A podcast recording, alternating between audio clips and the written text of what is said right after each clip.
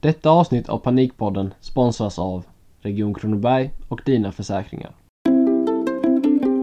Du vet ju hur viktigt det är med bra försäkringar och bra försäkringsbolag.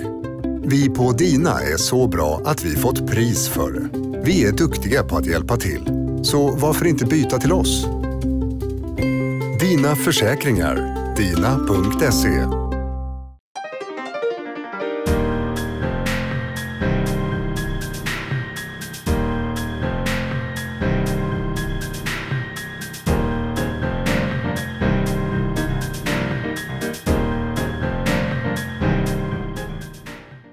Hjärtligt välkomna tillbaka till eh, Panikpodden och sjätte avsnittet av den här podcasten. Eh, Vi säger också välkommen till Anton Andreasson. Mm, stort tack. Eh, Du spelar ju fotboll och är fotbollsspelare i SSIF nu. Men för att våra lyssnare ska få veta lite mer om dig så har vi förberett en faktaruta, likt våra andra avsnitt. Så om vi börjar med fullständigt namn, Anton Stefan Andreasson. födelsedatum, Eh, 26 juli 1993. mm. Familj, Eh, jag har en mamma och pappa, en lilla syster och eh, en sambo. Eh, Skulle du berätta lite om din utbildning och karriär? Tänker jag, alltså utbildning, och du kan prata om din karriär om du haft någon utanför fotbollen eller så tar du direkt på fotbollen sen också. Ja, karriär utanför fotbollen, det är inte så mycket. Mm. finns väl inte så mycket att ta från. Men eh, utbildningen, jag gick eh, fotbollsgymnasiet i Borås. Mm. Tre år där. Eh, det är väl ungefär det jag har. Läst en kurs på Linnéuniversitetet nu eh, en vecka som heter eh, Talangutveckling ur ett coachperspektiv. Så det är väl det som det finns att ta från på utbildningsfronten. Mm. Eh, men annars har det väl varit fotboll för, för hela slanten. Från Mm. att man i princip föddes till nu.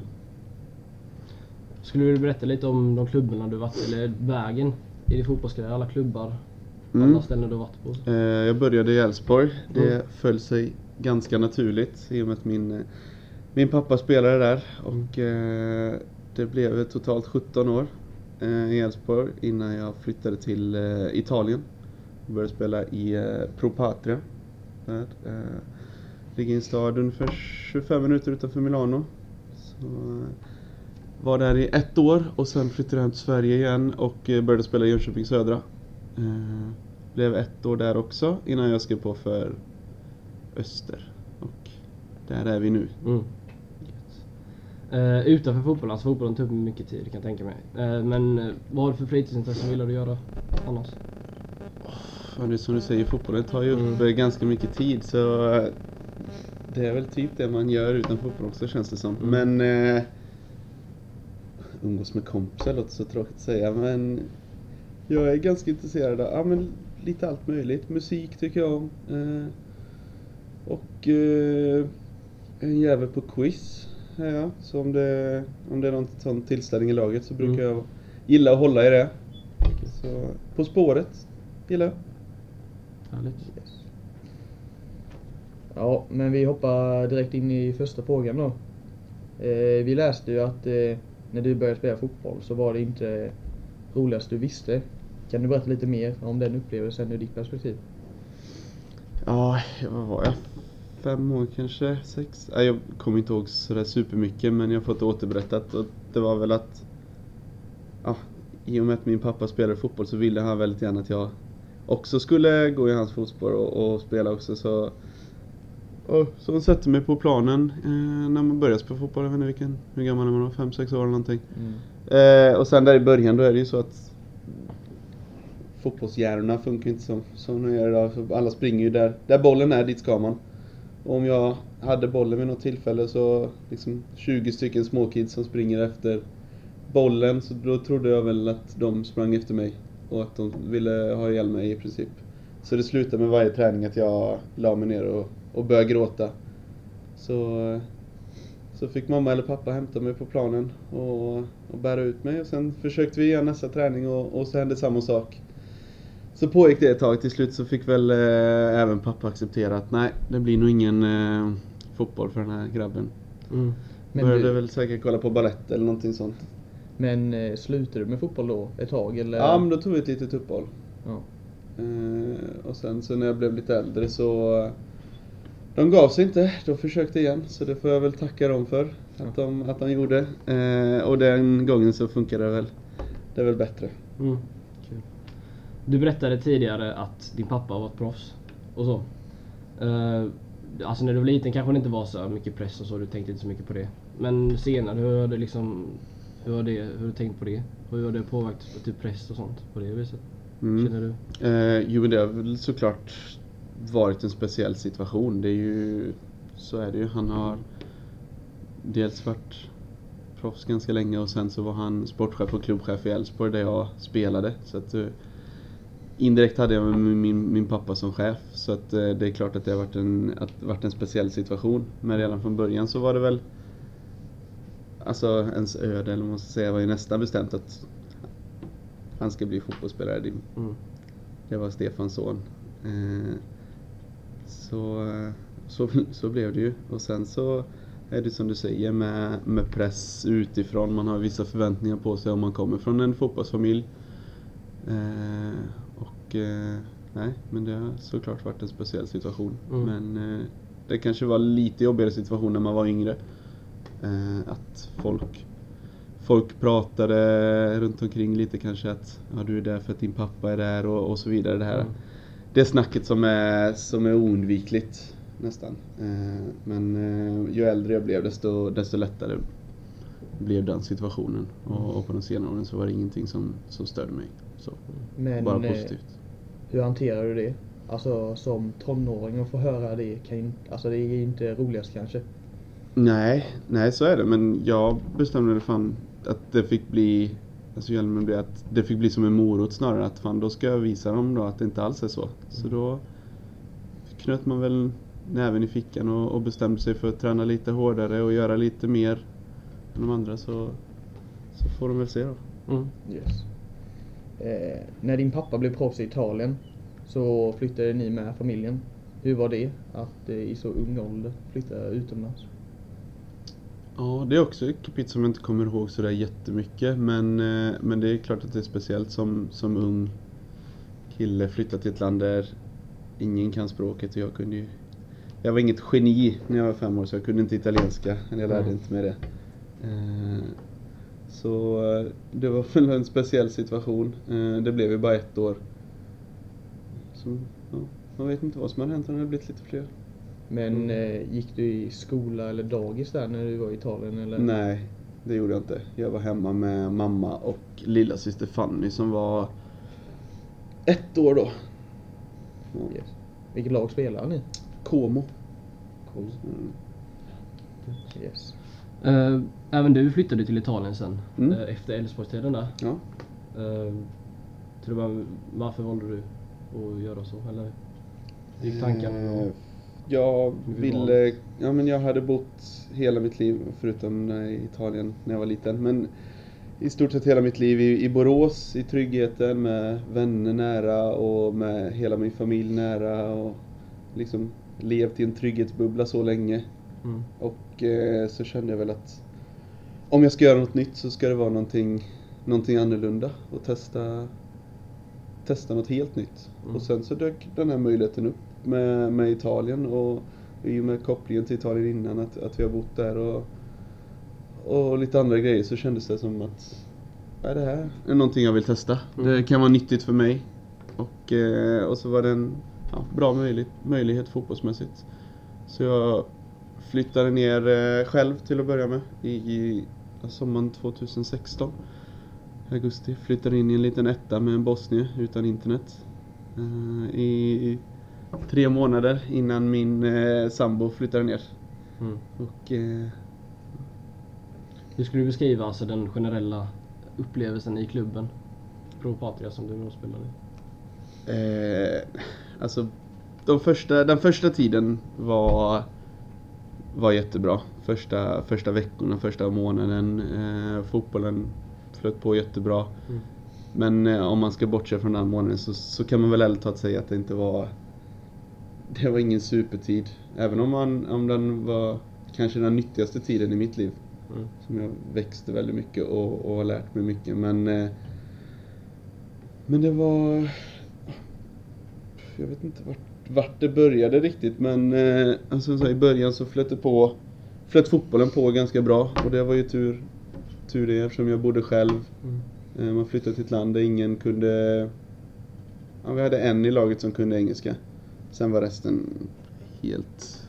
Nej, de kunde inte ett ord knappt. Undrar man vad de gör i skolan. Det var liksom 18-åringar som pluggade engelska men de kunde knappt säga hej. Mm. Så det var, ja, det var ju speciellt att du kom in i omklädningsrummet skulle vara där en och en halv timme innan träning och inga mobiler fick du ha. Och så satt du på din plats och du kunde inte riktigt snacka med någon. Och tränaren försökte ge dig instruktioner på italienska. Och så, att, eh, på, det, på det sättet så var ju första tiden tung. Men sen så gick fotbollen ganska bra i början så då hade man ju den. Och ja, så blev en räddning liksom. Och samtidigt som det så bodde jag som jag sa, en väldigt, väldigt liten etta. Eh, högt upp i ett våningshus utan internet, utan eh, aircondition. Eh, augusti, 40 grader i Italien. Mm. Nu börjar det borras eh, Ja. här. Men vi kör på. Eh, jag tänker, eh, du sa tidigare att det var liksom kanske en av de nyttigaste, alltså trots det som när du väl var där, men efterhand så kanske en av de nyttigaste upplevelserna du liksom gjort så. Mm. Eh, skulle du liksom, om vi säger att någon funderar på att göra så här, ta det här beslutet, är detta någonting du skulle liksom Rekommenderar. rekommendera eller skulle det vara, just med det du fått uppleva, att det skulle kunna vara mer bristande eller bärande? Alltså, det där är väldigt individuellt. För min egen del så var det ju så jag tror att det var så nyttigt för mig bara för att det blev sådana stora kontraster. Att jag hade bott hela mitt liv i Borås, spelat i Elfsborg, haft min pappa som chef i princip, familj, vänner och allt det här. Och så länge. Och sen flytta till något helt nytt. Så kontrasterna blev så stora så att det blev så... Det blev väldigt nyttigt för mig. Eh, Så... eh, Ja, sett ur personlig utveckling så skulle jag rekommendera att, att, att göra någonting sånt för Mm. unga. Sen så är det som jag sa väldigt individuellt och eh, den svenska miljön är ju kanske den, bland de bättre i världen att, att utvecklas i och, och all den tryggheten och all den stöttningen man kan få här. För att det var det var en väldigt annorlunda upplevelse eh, i Italien. Ehm, när jag blev skadad till exempel, att få skadad i Italien och vara skadad i Sverige, det är som två skilda världar. Det är, du kommer till träningen och det är knappt någon som säger hej till dig. För att är du skadad så är du eh, i princip inte en del av laget. Du, tränaren säger knappt hej och sportchefen låtsas som att du inte finns. Och ingen sjukgymnast som har ja, gjort ett schema att det här och det här och det här ska du göra idag. Utan det var mer att, nej gör vad du... Du tog eget ansvar för att hitta på vad du skulle liksom... Ja men så var det, så var det verkligen. Det var, det var fr- från den tiden jag, jag blev skadad så, så började det ju den tunga tiden om man Mm. säger. Och då, helt ärligt så mådde man ju inte alls bra. Mm. Det var ju, då mådde man ju rätt dåligt. Ehm, För flyttar man någonstans så antingen behöver ju det sociala vara väldigt bra för att man ska trivas. Då kanske fotbollen kan gå lite sämre. Eller som det var i början, får fotbollen gå väldigt bra, då kan det sociala kanske vara lite sämre. Man behöver ju någon av de delarna. Mm. Men när jag blev skadad och dessutom bodde helt, ja, jag och min tjej var helt ensamma i ett land där vi inte kunde språket och de var inte så, inga vänner på det sättet. Då var ju både fotbollsbiten rätt kass och det sociala var inte helt optimalt. Så då, den kombinationen gjorde väl att ja, den våren framförallt blev väl eh, ganska tung. Det, blev, det var allt från ja, det var en, en sportchef där som var eh, kanske inte den trevligaste människan man träffat i sitt liv. Mm. Eh, när man var skadad där så ja, det kunde, de hittade på grejer hela tiden för att man, för att man skulle otrivas liksom. Och han kunde ringa och säga, vi hade flyttat ner alla våra grejer med Firma och hela köret från, från Sverige, lägenheten här till, till lägenheten i Italien. Och eh, så minns jag att han, han ringde någon dag och bara, eh, i övermorgon så vill jag att eh, du flyttar ut. Jaha. Nej men eh, jag tycker att den lägenheten är lite för stor för dig. Och i kontraktet så står det inte att vi ska eh, ge dig en lägenhet för dig och din tjej. Det står bara att vi ska ge en lägenhet till dig. Så att vi har hittat en liten etta till dig. Mhm. Och då hade vi liksom, nu hade hon flyttat ner, sagt upp sig från jobb och fått med möbler och hela, hela köret där. Och så, så, men nu blev det inte så, nu stannade vi kvar så vi stod Mm. på oss lite. Men, men det var sådana grejer hela tiden som gjorde Ja. att eh, ja, den perioden var ganska jobbig. Har du mycket kontakt med liksom folk hemma och så? Och vilka alltså så i så fall? Föräldrar antar. Ja, föräldrar självklart. Ja. Eh, och sen så hade vi en del besök. Det var väl det som, som räddade den tiden. Mm. Att man alltid hade något. Försökte locka, locka dit folk för att Så att eh, man hade något att se fram emot. Eh, men jo, det blir ju kontakten man, man får ha med vänner och familj via. Så Facetime är ju en jäkla uppfinning. Mm. Det räddade en. Men har du följt laget nu i efterhand, nu när du bor i Sverige? Ja, de, jag har följt dem, ja, inte jätteslaviskt, men via livescore och lite sånt. Nu går de rätt bra i år. De håller väl, det blir väl förmodligen kval till Serie B eh, i år. Mm. Så att eh, de, de klarar sig bra utan mig. Det trodde man inte, men det gör de. Känner du många där alltså där nere eller du? Det var kanske svårt att skaffa någon liksom riktig relation när man inte kunde prata med så kanske men Är det Vi- någon som fortfarande spelar kvar där som du känner sen innan? Ja, vi har, det är väl en, kanske sex stycken ungefär som spelar kvar i år som spelade när jag var där. De var nog mer kollegor än vänner. Men eh, när du kom hem från Italien så signade du med J Södra. Och i debuten så drog du korsbandet. Eh, det måste varit väldigt jobbigt mentalt under den tiden. Hur hanterar du en situation kring en sån jobbig skada med en så lång rehabtid? Ja, det var ju, då kom ju ytterligare en smäll. Eh, och de, jag vet inte om det var bra eller dåligt att de kom samtidigt. Att man precis hade haft den här skadehistoriken i Italien och den här tiden när man inte mådde så bra och sen att bestämma sig som, på sommaren där att nej det här, det här fixar jag inte längre. Nu behöver jag komma hem och landa och, och starta om. Och, och så dök möjligheten med Jönköping upp och, och man skrev på, skrev på där och man kände att nu, nu ska det bli skönt att få spela fotboll igen och, och, och allt det här.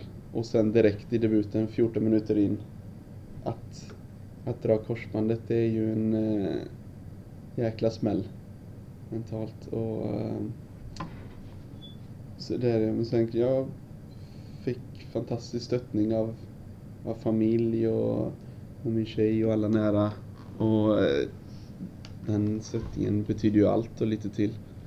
Det gör ju att man ger sig fan på att man ska komma tillbaka starkare och, och bevisa att man faktiskt kan spela fotboll. Mm. Så att eh, ja, det året av rehaben, det var, det var ett tungt år såklart. Men eh, desto roligare när man fick springa ut på planen igen. Då, den debuten, eller comebacken, var efterlängtad. Men du kände att eh, föreningen stöttade dig under, under den tiden också? Ja, men det tycker jag. Det gjorde de. Eh, jag fick den hjälp den hjälp jag behövde. Det fick jag verkligen. Så att, eh, mm. Yes. Förra sommaren signade du då med Östi. Mm. Hur trivs du nu i Växjö här? Nu trivs jag super. Det är inga... Det är ingen som hotar mig än om att jag ska flytta ut från en lägenhet. Nej, och, eh, och än så länge är jag fri från skador så... Nej, jag trivs, jag trivs jättebra. Det har. Mm. Kommit in superbra i laget och, och staden och, och allt det där. Så jag trivs super. Känner du att du jobbar så här med eh, lagkemin, alltså inom klubben? På det sättet, eller hur? Ja, men det gör vi. Vi hittar på grejer med, med, med laget och sådana grejer som är viktigt. Och bara den grejen att man har ett samlingsrum till exempel i- Mm. i, i anknytning till omklädningsrummet gör ganska mycket för lagkemin. Man, många spelare man kommer hit en halvtimme innan den egentliga samlingstiden. Så kör lite gris, dricka lite kaffe och, och snacka lite. Sådana såna grejer. Och så många, många bra killar i laget som, tar, som är bra på som, ja, se till så att alla trivs och, och göra lite grejer med laget. Mm. Det är viktigt. Eh, det kommer ju flera ungdomar här från, eh, från föreningen då, kommer upp och tränar mer i A-laget då. Hur, du vet ju hur det är från Elfsborg-tiden. Stöttar du dem extra då eller du förstår ju deras situation. Ja, det, det försöker man ju såklart göra och eh, det önskar man ju att, man har, att folk har en bild av att, av att man är en, en spelare som, som försöker stötta de unga. Eh, jag minns ju själv hur det var att Ibland kunde det vara jäkligt nervöst att, att kliva ut liksom en, en A-lagsträning och, och du är rädd för att göra misstag istället för att du går ut och känner att du kan bara sp- spela ditt spel. Utan du känner mer att "Ah, nu får jag inte göra något fel, nu får jag inte göra något fel. Och det är ofta då det, det låser sig. Då kan det vara väldigt skönt att höra och få höra från någon äldre eller från någon annan att fan, kom igen, det gör inget. Missa hur många pass du vill, bara fortsätt. Att bara få höra den och, och det kanske vi äldre behöver bli ännu bättre på. Att ge de unga stöttning och eh, råd och tips. Mm. Yes. Och, och det var ju eh, nästa fråga då. Alltså har du några tips till unga killar som lägger mycket tid på fotbollen? För det blir ju att fotbollen blir en stor del av livet och man vet ju aldrig vart karriären går med skador och liknande. Mm. Lite om du skulle se, se tillbaka eller prata med ditt gamla, ditt unga jag i den åldern liksom. Vad skulle du ge för tips? Alltså så, om du ser tillbaka. Det var en bra fråga. Jag, vet inte, man tror, alltså när man var ung, jag- man tror ju att man är oövervinnlig liksom, att det inte kan hända någonting och skador var så långt ifrån ens bild utan man tror att vägen är så himla rak och allt det där men eh, så, så ligger det inte till, så är ju inte verkligheten utan man, men det, är- det är också svårt att förbereda sig på törnar och på smällar. Mm. Det är ju väldigt svårt. Jag vet inte hur jag hade kunnat förbereda mig på att jag skulle liksom, få en korsbandsskada. Men eh, nej, alltså fortsätta ha roligt och, och det är väl det absolut viktigaste. Att man hela tiden har, har kul. Eh, ha- har man inte det så, så är det någonting som är, som är fel kanske. Mm. Det, det är det viktigaste. Sen är inte det alltid roligt att spela fotboll. Det är inte roligt att gå ut och löpa klockan åtta på morgonen, intervaller, tills man spyr. Det är inte det roligaste som finns. Men, men i det stora hela att du känner att fotbollen är... Jag spelar fotboll för att det är det roligaste som finns. Och inte för att någon annan vill eller för att någon tycker det eller, eller något sånt. Mm. Men eh, ikväll, tisdag den 16 april, så spelar ni mot Degerfors. Mm. Hur är känslorna inför matchen? Vi går väl in med lite plusstatistik mot Degerfors de senaste. Jag har varit med två matcher mot dem. Jag har 3-1, 3-1. Så förhoppningsvis kan vi fortsätta på den vägen. Men eh, nej, Degerfors är ett, det är ett bra lag. Det är ett spelskickligt lag. De är, de är jobbiga att möta. De är jobbiga att pressa. De vill eh, hela tiden ha boll och, och spela kort och snabbt. Men eh, det, det ska bli roligt att det är match igen. Det var ett tag sedan. Det känns som det var alldeles för länge sedan. Mm. Spelade i fredags. Eh, och så försöka se till att vara, göra Myresjöhus till, till våran borg i år. Det kanske inte blev så riktigt förra året men att vi, att vi försöker vara stabila på, på hemmaplan och försöker skapa en atmosfär att här är vi, här är vi svåra att slå. Vi fortsätter. Mm. Ja, men vad... Om vi, pratar, vi pratade om förra året, men vad är det för någon skillnad på Öster i år om du jämför med förra året? Jag tror att vi allihopa gör...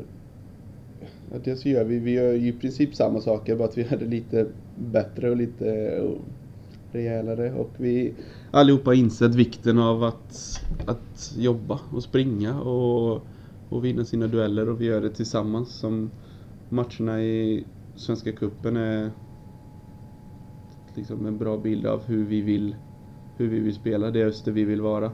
Vi har liksom 11 stycken plus avbytare som ger allt och lite till. Och eh, samtidigt som vi får behålla och göra de grejerna som vi tränar på och som vi är bra på. Men eh, ja. att va- varje person gör lite, lite, lite mer. Mm. Yes. Ja, jag tänker vi avslutar avsnittet här. Vi Mm. bara önskar lycka till ikväll. Stort och tack. stort tack för att du medverkar på den här podcasten. Ja, tack själva. verkligen. Ja. Så avslutar vi. Snyggt. Tack för att ni lyssnat. På återseende. Du vet ju hur viktigt det är med bra försäkringar och bra försäkringsbolag. Vi på Dina är så bra att vi fått pris för det. Vi är duktiga på att hjälpa till. Så varför inte byta till oss? Dina försäkringar. Dina.se